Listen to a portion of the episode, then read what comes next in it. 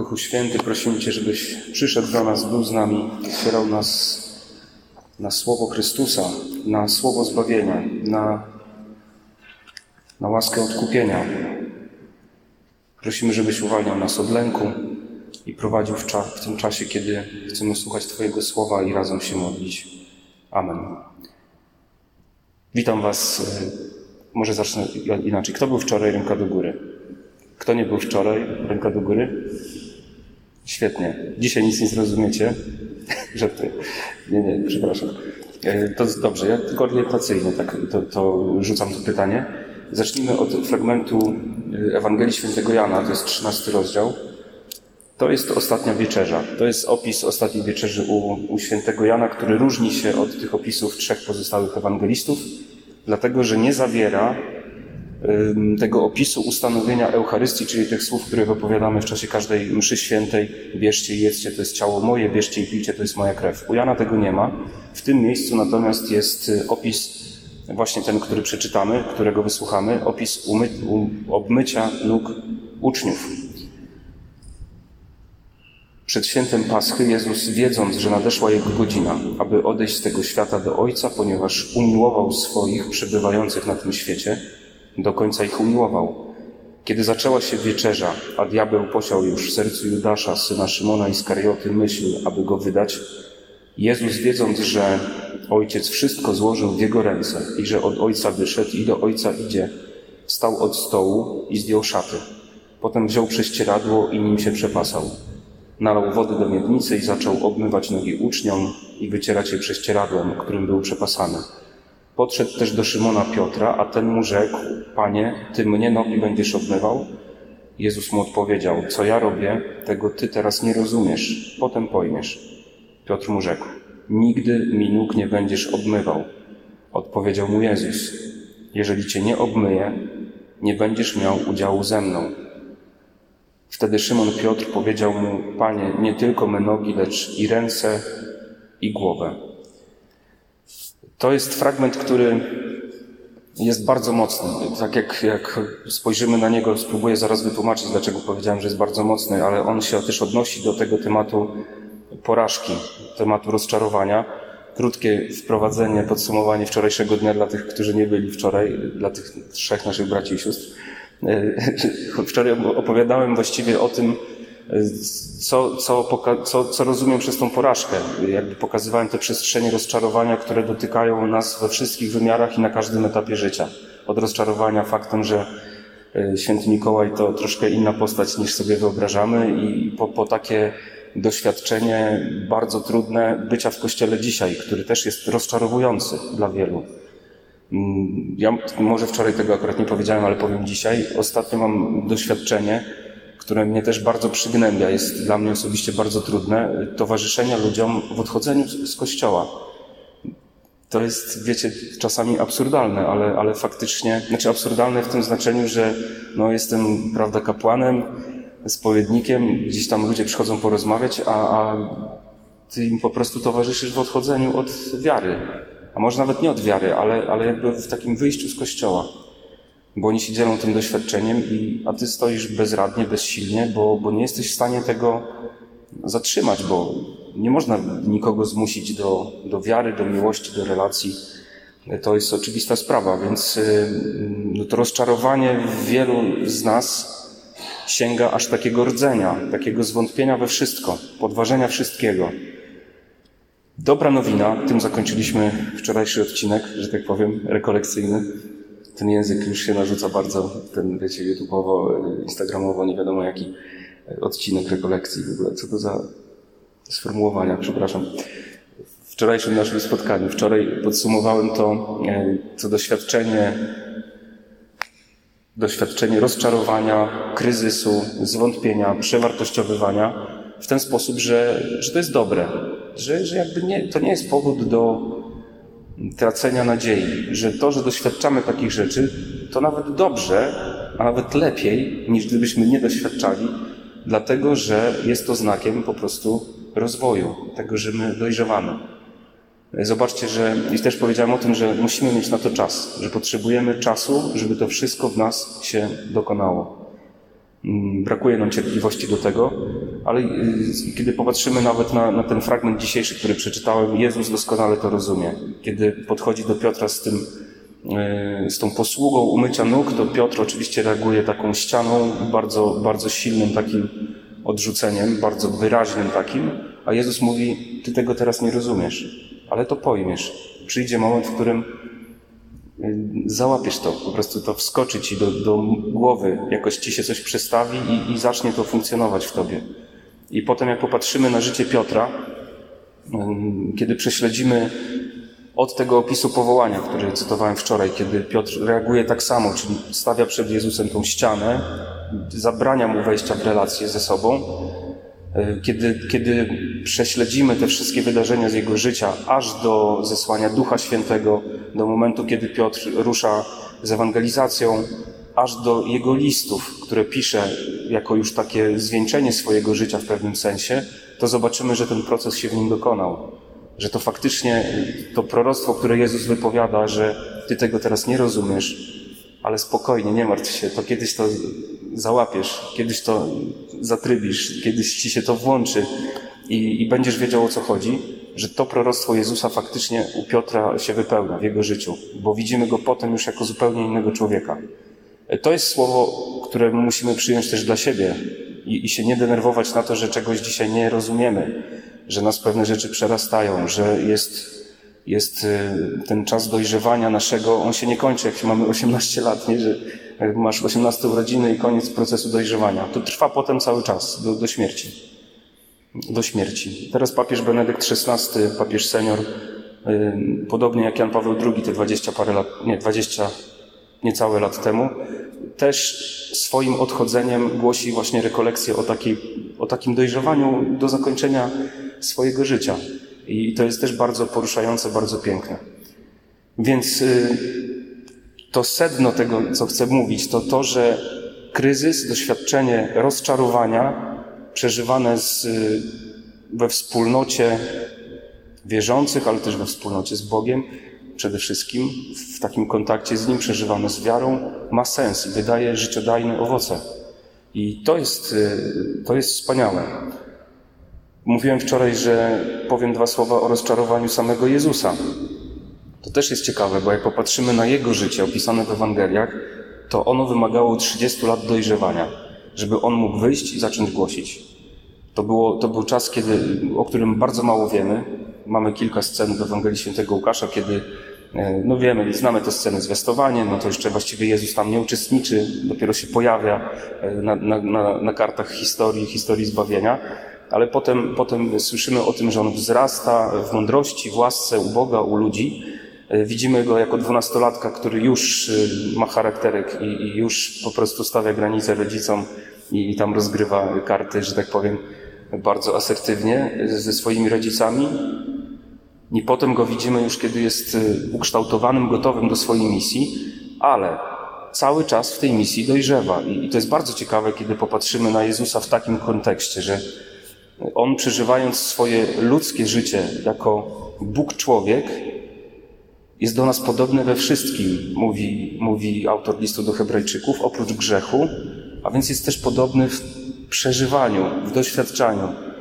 Jest podobny, kiedy wchodzi w relacje z ludźmi, które go kształtują też.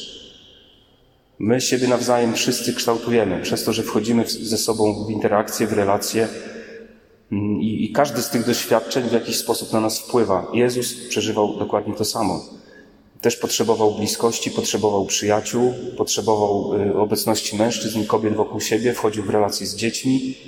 Wszystkie te, y, wszystkie te relacje kształtowały go na poziomie ludzkim, ale również na poziomie świadomości tego, kim on jest jako Chrystus, jako Mesjasz, jako ten, który przychodzi do swojego ludu Bóg człowiek. To jest poziom no, niewyobrażalny i to widać w takiej scenie choćby, kiedy, kiedy kobieta, mm, ta kobieta pogańska, już nie pamiętam jak, jak, jakie ona była pochodzenia. Chodzi mi o tę scenę, gdzie, gdzie ta kobieta mówi, żeby przyszedł do nich. Patrzcie, nie przygotowałem sobie nie przeczytałem tego fragmentu. Chodzi mi o to, o, ten, o to miejsce, w którym jest ta mowa, ten dialog o psach i szczeniętach że Jezus mówi, nie wolno zabierać jedzenia dzieciom i dawać psom. Dziękuję Paweł. A na to kobieta odpowiada, że nawet szczenięta jedzą ze stołu swych panów. I Jezus jest zdziwiony i mówi, ja takiej wiary nie znalazłem nawet w Izraelu. I to jest, Jezus jest tym, kto, on, on zna ludzkie myśli, prawda? On, on jakby funkcjonuje w tym świecie relacji trochę nadzwyczajnie, ale jednocześnie mamy takie sceny obok tych, kiedy on pojawia się jako taki wszechmocny Bóg. Mamy też sceny takie, w których on jest czymś zaskoczony, on jest zdziwiony, że jest, tu można powiedzieć, że jest pozytywnie rozczarowany tymi poganami, którzy jakby byli wrogo nastawieni do, do Izraelitów. I on mówi, takiej wiary nie znalazłem nawet w Izraelu. Następują pewne przełomy, kiedy Jezus głosi tylko do Izraela, a potem mówi, muszę iść do tych, którzy są poza tym domem, muszę iść do tych, którzy są na zewnątrz tego, tego ludu Bożego, również do pogan. I to jest, wiecie, to są takie momenty, kiedy Jezus, y, nie wiem, czy to nie jest jakaś może nadużycie, czy jakaś herezja, ale na pewno nie, bo to napisałem w magisterce nawet i nikt mi tego nie, nie skasował, chyba że nikt nie czytał, to może to, to inna sprawa, ale y, właśnie o takim dojrzewaniu Jezusa do Jego misji. I to widać ten proces, kiedy On cały czas idzie do Jerozolimy. Na przykład Ewangelia Łukasza jest tak skonstruowana, że Jezus porusza się w Galilei, pięknej zielonej krainie, jest jezioro, jest rzeka Jordan, wszyscy są szczęśliwi, dzieją się cuda i nagle następuje przełom i Jezus mówi, teraz ruszamy do Jerozolimy. Tam się idzie przez góry, przechodzi się przez jakieś pustynne krainy. To trochę jak wyprawa do Mordoru, taka, wiecie, w Władcy Pierścieni. Tam już nie jest tak ładnie, nie jest zielono. Tam się po prostu idzie umrzeć. Jezus tam idzie umrzeć. I co się dzieje w trakcie tej całej drogi, tego mm, posługiwania Jezusa w czasie Jego głoszenia?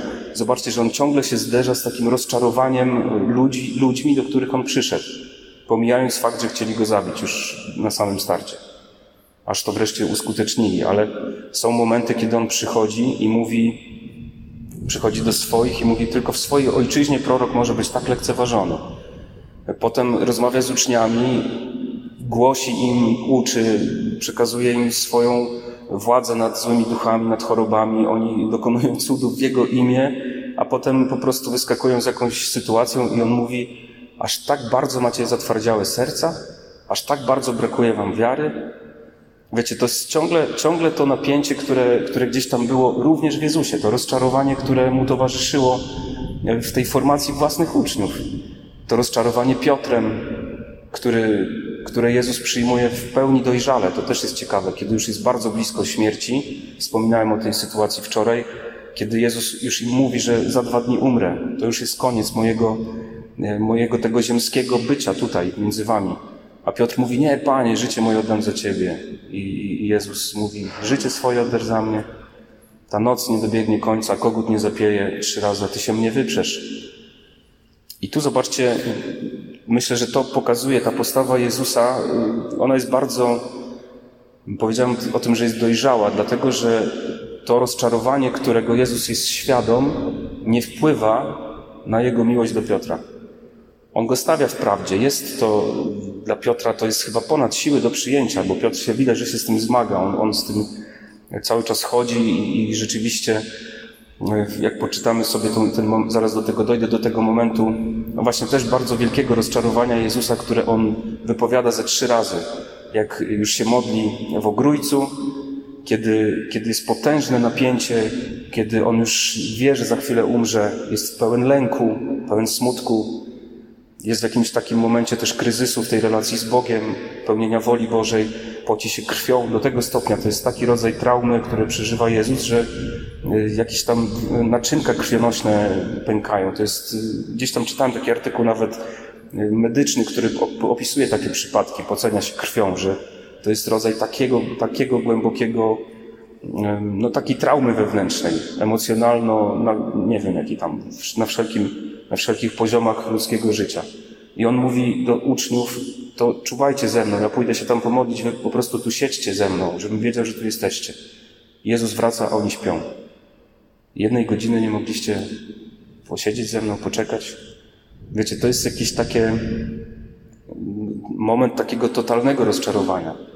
Moment y, rozczarowania na takim poziomie mm, całego życia, które potem, jak kiedy już Jezus jest na krzyżu i wypowiada te, te słowa bardzo mocne i wstrząsające, Boże mój, czemuś mnie opuścił.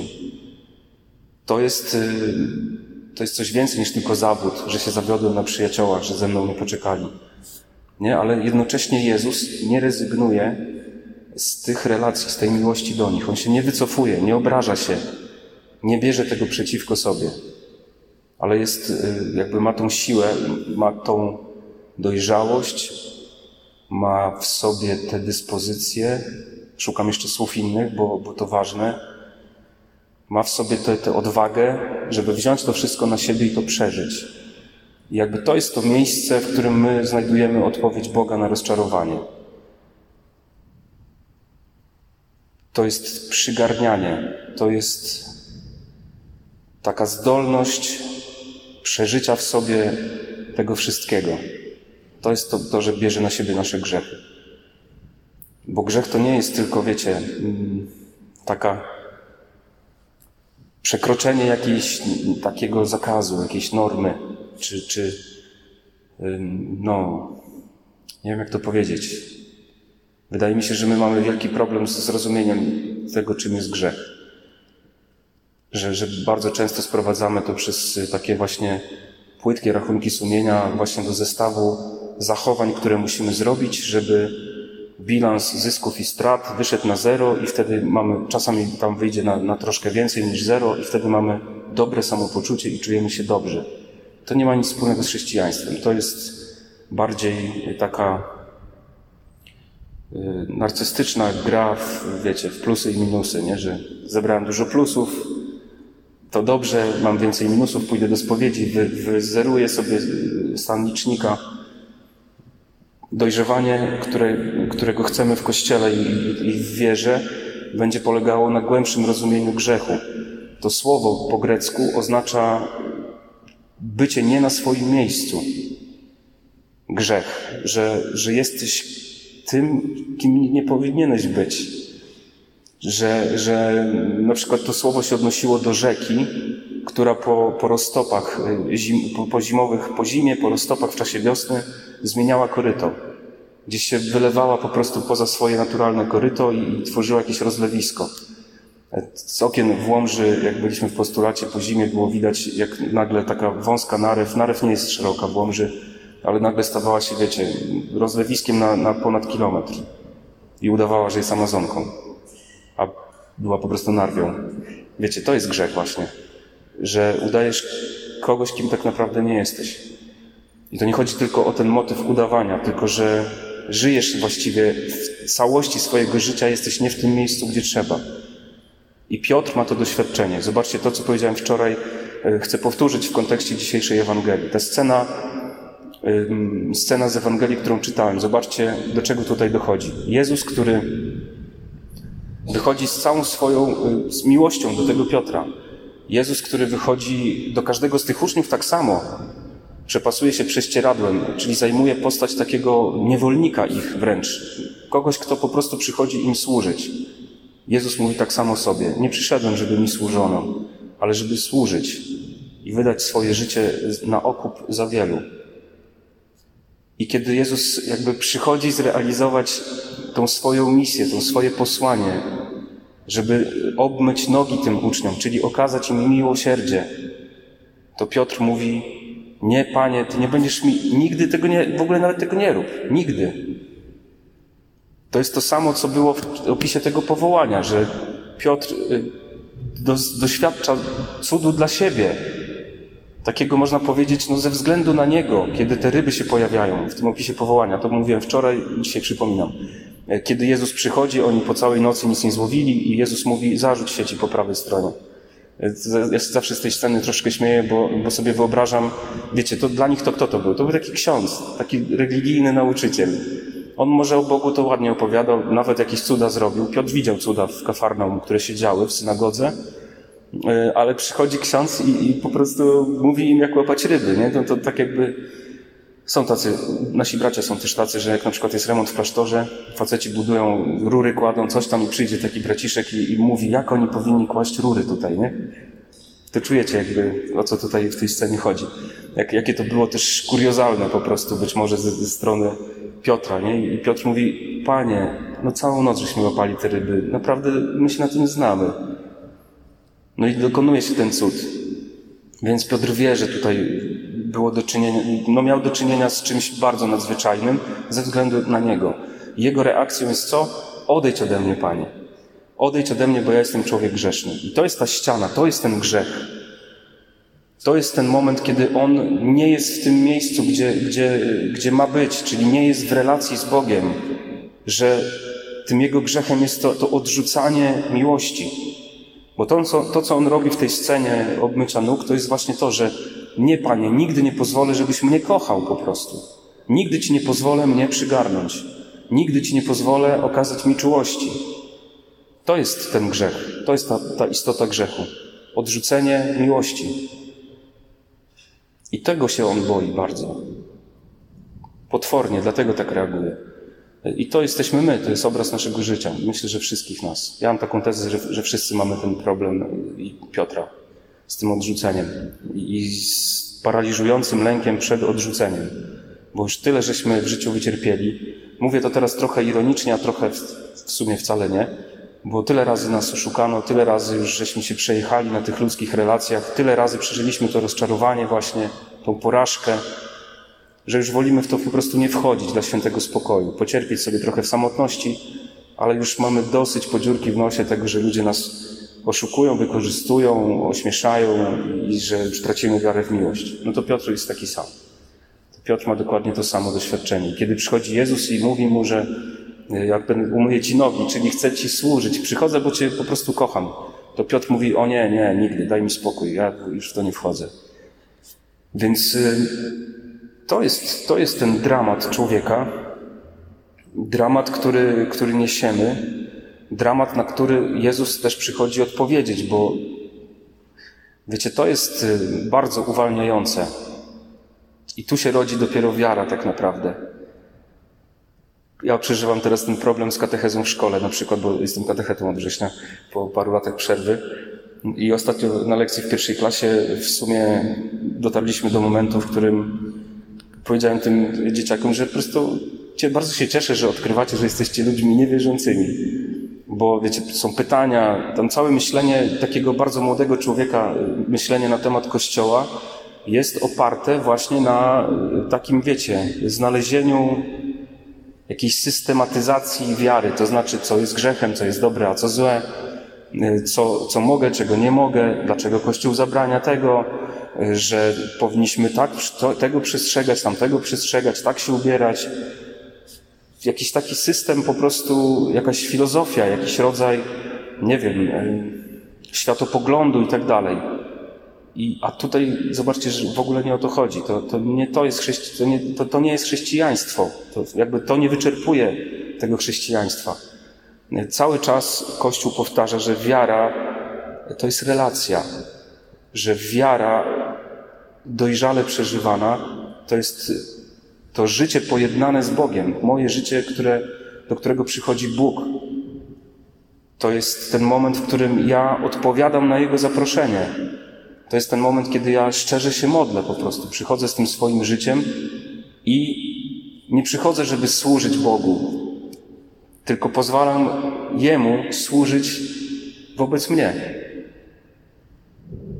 Pozwalam Mu po prostu umyć sobie nogi.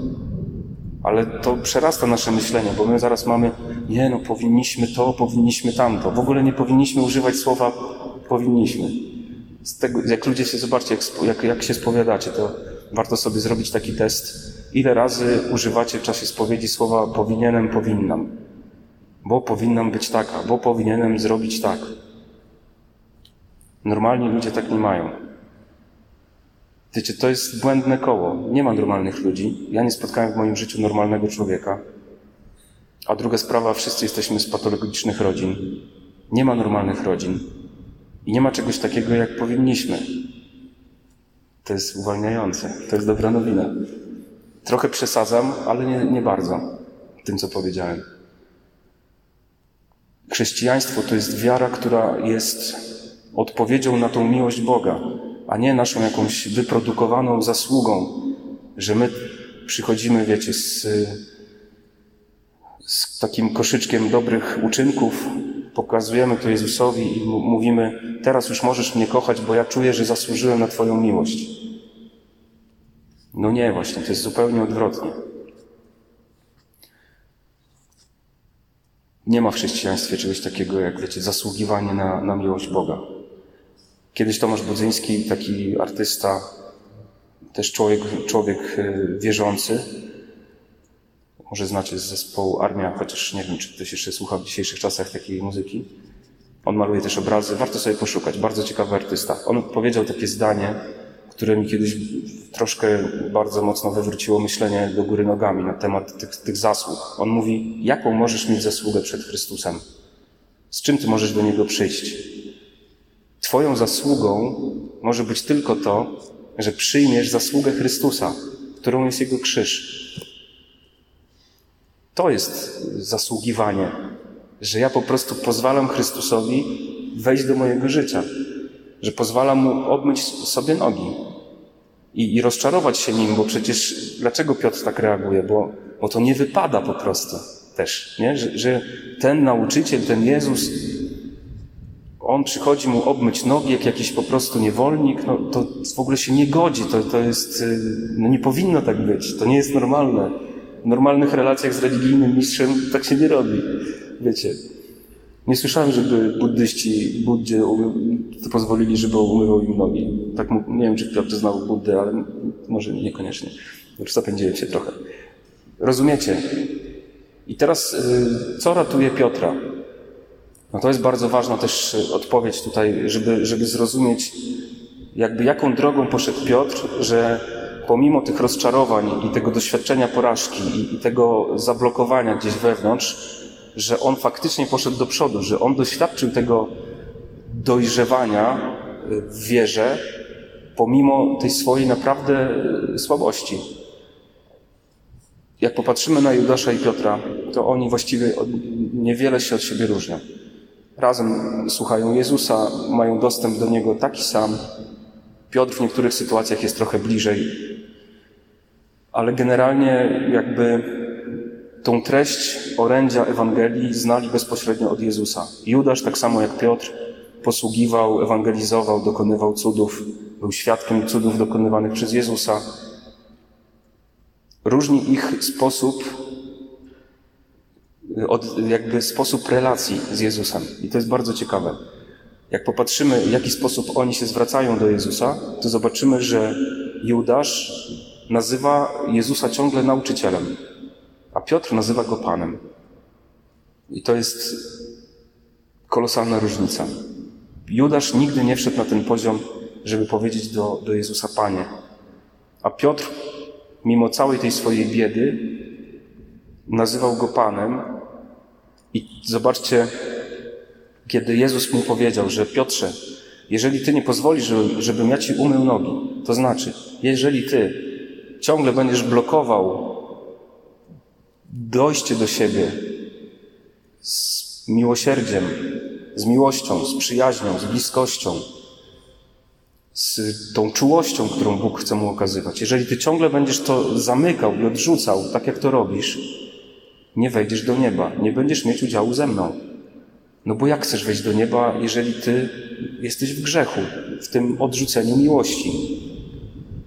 Grzech to jest właśnie ta blokada na, na miłość, która, która y, daje ci Twoją prawdziwą tożsamość. I Piotra to musiało wstrząsnąć, bo on w jednej sekundzie mówi: To panie, to umyj nie tylko, wiecie, albo wszystko, albo nic. Teraz już, jak przed chwilą w ogóle nie pozwolił sobie umyć nóg, to teraz już, Panie, to umyj nogi, głowę i ręce. To nie tylko me nogi, lecz i ręce, i głowę, i wiecie, po prostu no, nagły przeskok. To słowo Jezusa, które Piotr słyszy i to słowo go ratuje. Za każdym razem, wtedy, kiedy na początku tego swojego powołania odrzuca Jezusa, a Jezus mu mówi: Nie bój się, chodź za mną, po prostu chodź za mną. To Piotr idzie, a nie zostaje, po prostu nie odcina się całkowicie. To, co jest też bardzo ciekawe u Piotra, to ta szczerość przed Jezusem, że on faktycznie nie gra w żadną grę. On jest biedny, on jest y, poraniony, on, on nie umie się w tym odnaleźć i Jezusowi to mówi. Dlatego też zobaczcie, to, to, to jest ta scena słynna, jak y, widzą uczniowie Jezusa i widzą go z daleka, boją się, są przestraszeni, bo myślą, że to jakiś duch idzie po jeziorze, jest środek nocy, oni są w łodzi i, i, nagle Piotr widzi, że to jest Jezus. Panie, powiedz mi, żebym do Ciebie przyszedł. Powiedz mi, żebym do Ciebie przyszedł. Nie mam w sobie takiej wiary, żeby wyjść i przyjść do Ciebie, dlatego musisz Ty mi to powiedzieć, żebym przyszedł do Ciebie. To jest to myślenie Piotra, że słowo Jezusa jest dla niego ostatecznym argumentem, takim autorytetem, które, którego on nie jest w stanie w sobie podważyć i faktycznie wychodzi i dobrze wiemy, jak ta historia wygląda dalej, wpada w podwody, zaczyna się topić. I to jest prawda o Piotrze. To jest prawda o nas też. I to jest kolejne rozczarowanie Jezusa, który mówi: No, gościu, naprawdę nie miałeś takiej wiary, żeby chodzić po wodzie. To Pan Jezus też myślę, że miał wysokie oczekiwania od nas i ma. I jakby, tak jak powiedziałem wcześniej, to, to rozczarowanie wcale nie oznacza, że nas odrzuca. Panu Bogu ta nasza bieda nie przeszkadza w tym, żeby nas kochać. Panu Bogu to, że my jesteśmy naprawdę tacy biedni i, no i słabi po prostu. No, to nie jest dla Niego przeszkoda, żeby nas kochać. I to jest dobra nowina. To jest wspaniałe. Że, że On, właśnie zobaczcie, że kiedy mówimy, że jesteśmy grzesznikami, to właśnie to to wyznajemy, że co to znaczy być grzesznikiem? To znaczy wiedzieć o sobie, że się nie umie kochać po prostu. Że, że chce się, a wychodzi jak zawsze. Chciałem dobrze, wyszło jak zawsze. Jestem grzesznikiem, to znaczy, że, że bardzo chcę żyć tak, jak mówi, zachęca do tego Pan Bóg, ale nie umiem. No i z tego się robią różne rzeczy, które potem w konfesjonale wyznaję żeby Pan Bóg mnie po prostu uratował od, od tego wszystkiego. No i On to robi. I wtedy zupełnie inaczej przeżywa się też spowiedź i jakby takie rozumienie sakramentów. O tym jeszcze jutro powiem więcej. To, to jest bardzo istotne. To, co się właśnie dzieje w rozgrzeszeniu, to, to właśnie to słowo, słowo Boga, że, że On mówi, jesteś uzdrowiony, nie bój się, idź. Potem ta historia Piotra, ona właśnie jest bardzo interesująca, dlatego że jest ten słynny dialog który nam trochę umyka, jest taki dziwny, kiedy Jezus pyta Piotrze, czy miłujesz mnie? Tak, Panie, Ty wiesz, że Cię kocham. I to, to się powtarza trzy razy. Oczywiście wiecie to, że w języku polskim trudno to oddać, bo tam są słowa greckie, które oznaczają pewne stopnie miłości. My to mamy miłować, kochać, jakby dla nas to jest, brzmi tak samo, a, a tu jest ten dialog, gdybyś tłumaczyć go tak w kontekście, to trzeba by przetłumaczyć w ten sposób, że, że Jezus pyta, Piotrze, czy kochasz mnie taką miłością, która no, oddałaby życie, tak jak ja za Ciebie oddałem życie na krzyżu, bo to już jest rozmowa po zmartwychwstaniu Jezusa, to, to Jezus mówi, czy ty, czy ty jesteś w stanie kochać taką miłością? A Piotr odpowiada, Panie, jesteś dla mnie jak brat, jesteś moim super przyjacielem, bardzo Cię lubię. To jest taka, taka różnica.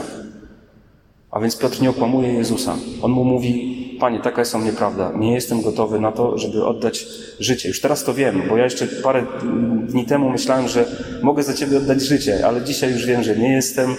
Po prostu bardzo Cię lubię. Naprawdę jesteś moim super przyjacielem. Jesteś moim bratem. Ale nie jestem gotowy oddać za Ciebie życia. Jezus ponawia to pytanie, ale mówi mu Jezus, mimo tej odpowiedzi, Jezus mu mówi, paść baranki moje. I potem to pytanie powtarza, Piotr znowu, no Panie, no, no, no co mam Ci powiedzieć? Lubimy się, super, cieszę się, że zmartwychwstałeś.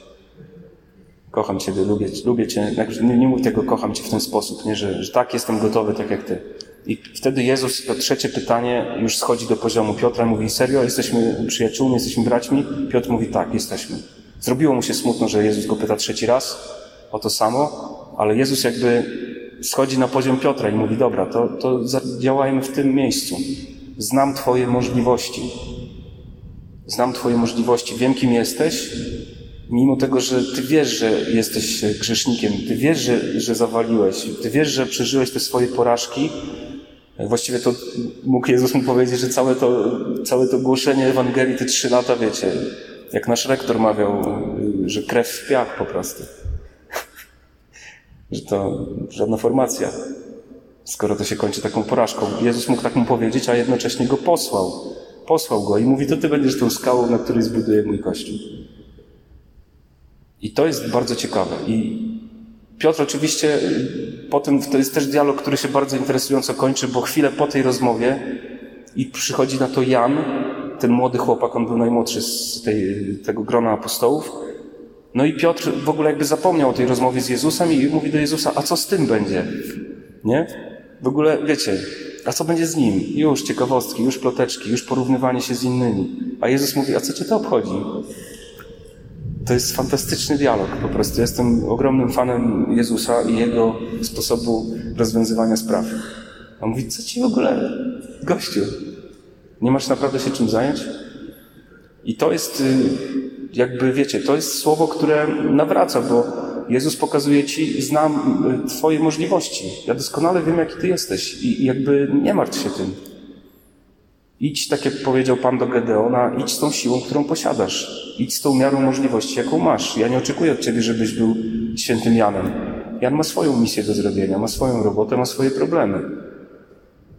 Dlatego mówię też o tym, że nikt z nas nie jest normalny, nie? że w tym znaczeniu, że wszyscy mamy coś, co niesiemy, co jest naszą biedą, co jest naszą porażką, co jest naszą historią, co jest naszymi jakimiś przekonaniami fałszywymi na własny temat. No każdy to gdzieś jakoś z takimi rzeczami się zmaga po prostu. I dlatego mówię, że też nie ma jakiejś normy, normy, że możemy o kimś powiedzieć, ten jest normalnym człowiekiem, a ten jest, ten jest już nienormalnym. No w skrajnych wypadkach no, może się to zdarzyć, dobra. Ale, ale nie wiem, o kim można powiedzieć normalny. Można powiedzieć o człowieku w, po prostu w dojrzewaniu, w ciągłym procesie dojrzewania, czyli w ciągłym wzroście do świętości. Bo tu chodzi o to samo. I dojrzałość i świętość to właściwie jest jakiś synonim. Dojrzałość w Chrystusie. Bierzmowanie, sakrament y, dojrzałego chrześcijanina. No to można polemizować akurat na temat tego, jak my to robimy w Polsce, ale czy to jest rzeczywiście dojrzały człowiek, którego bierzmujemy, to, to inna sprawa.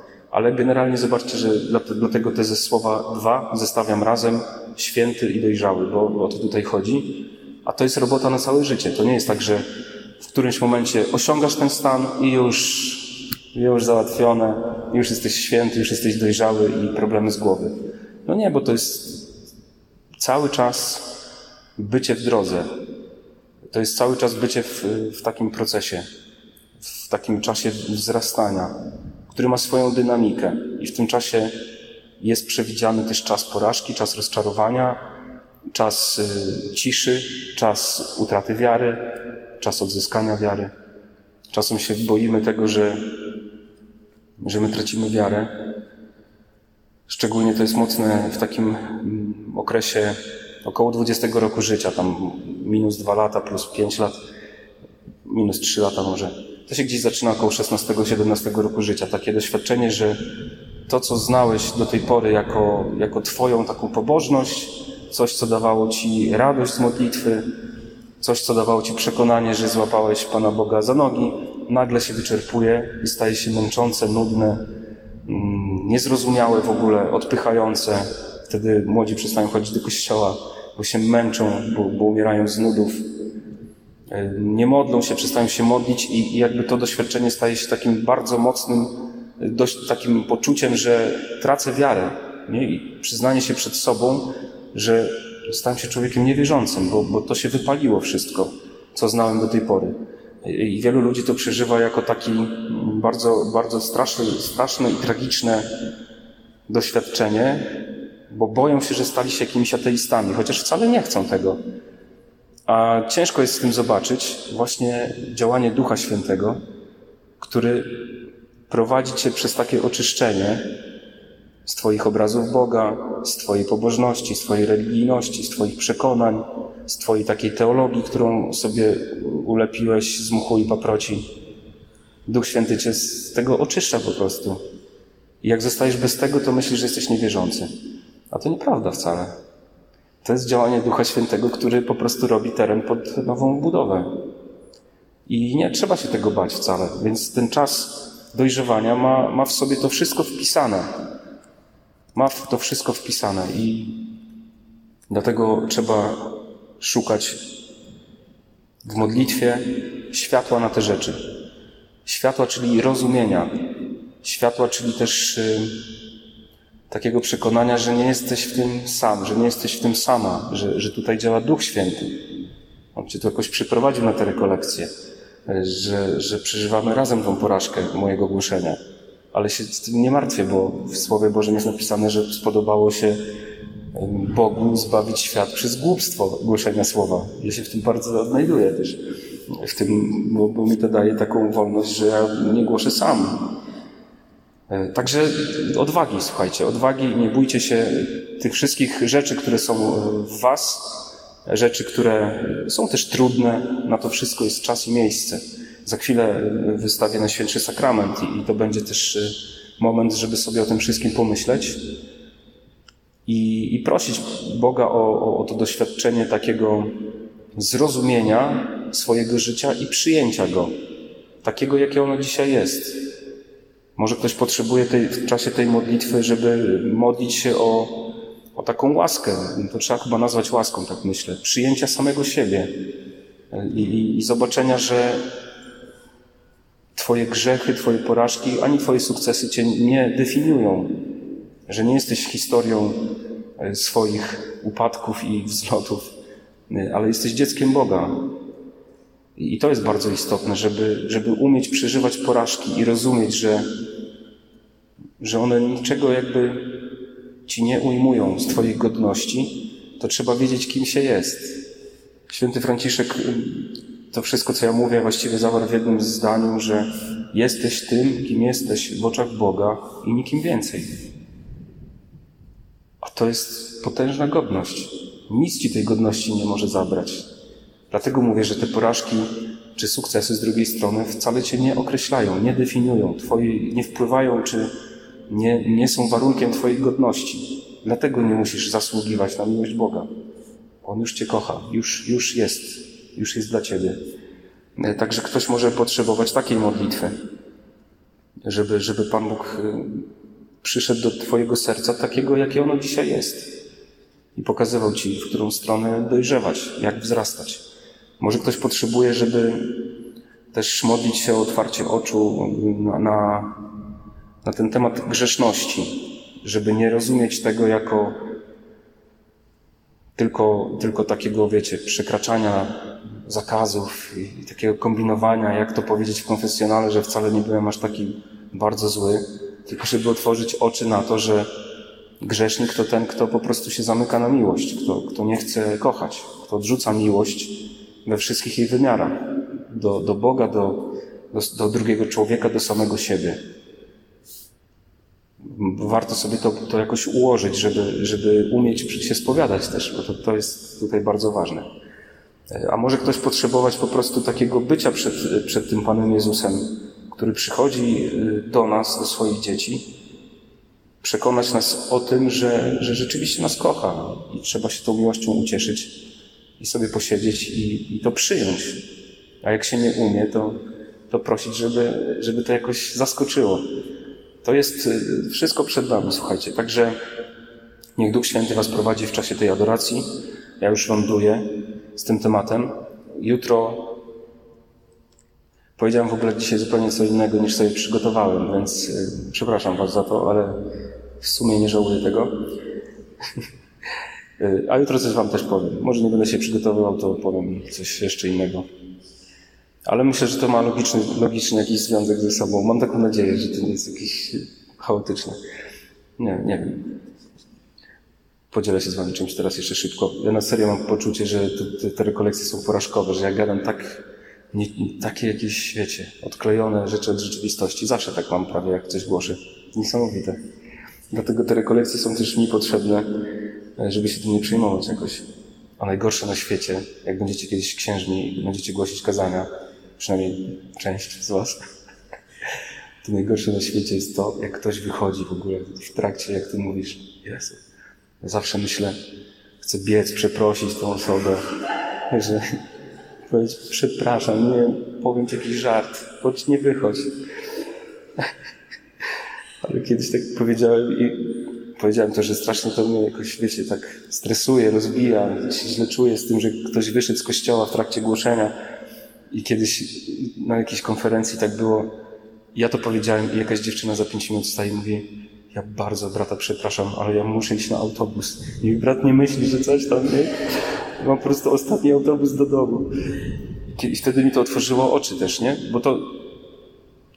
Powiem jutro, dobra, już koniec.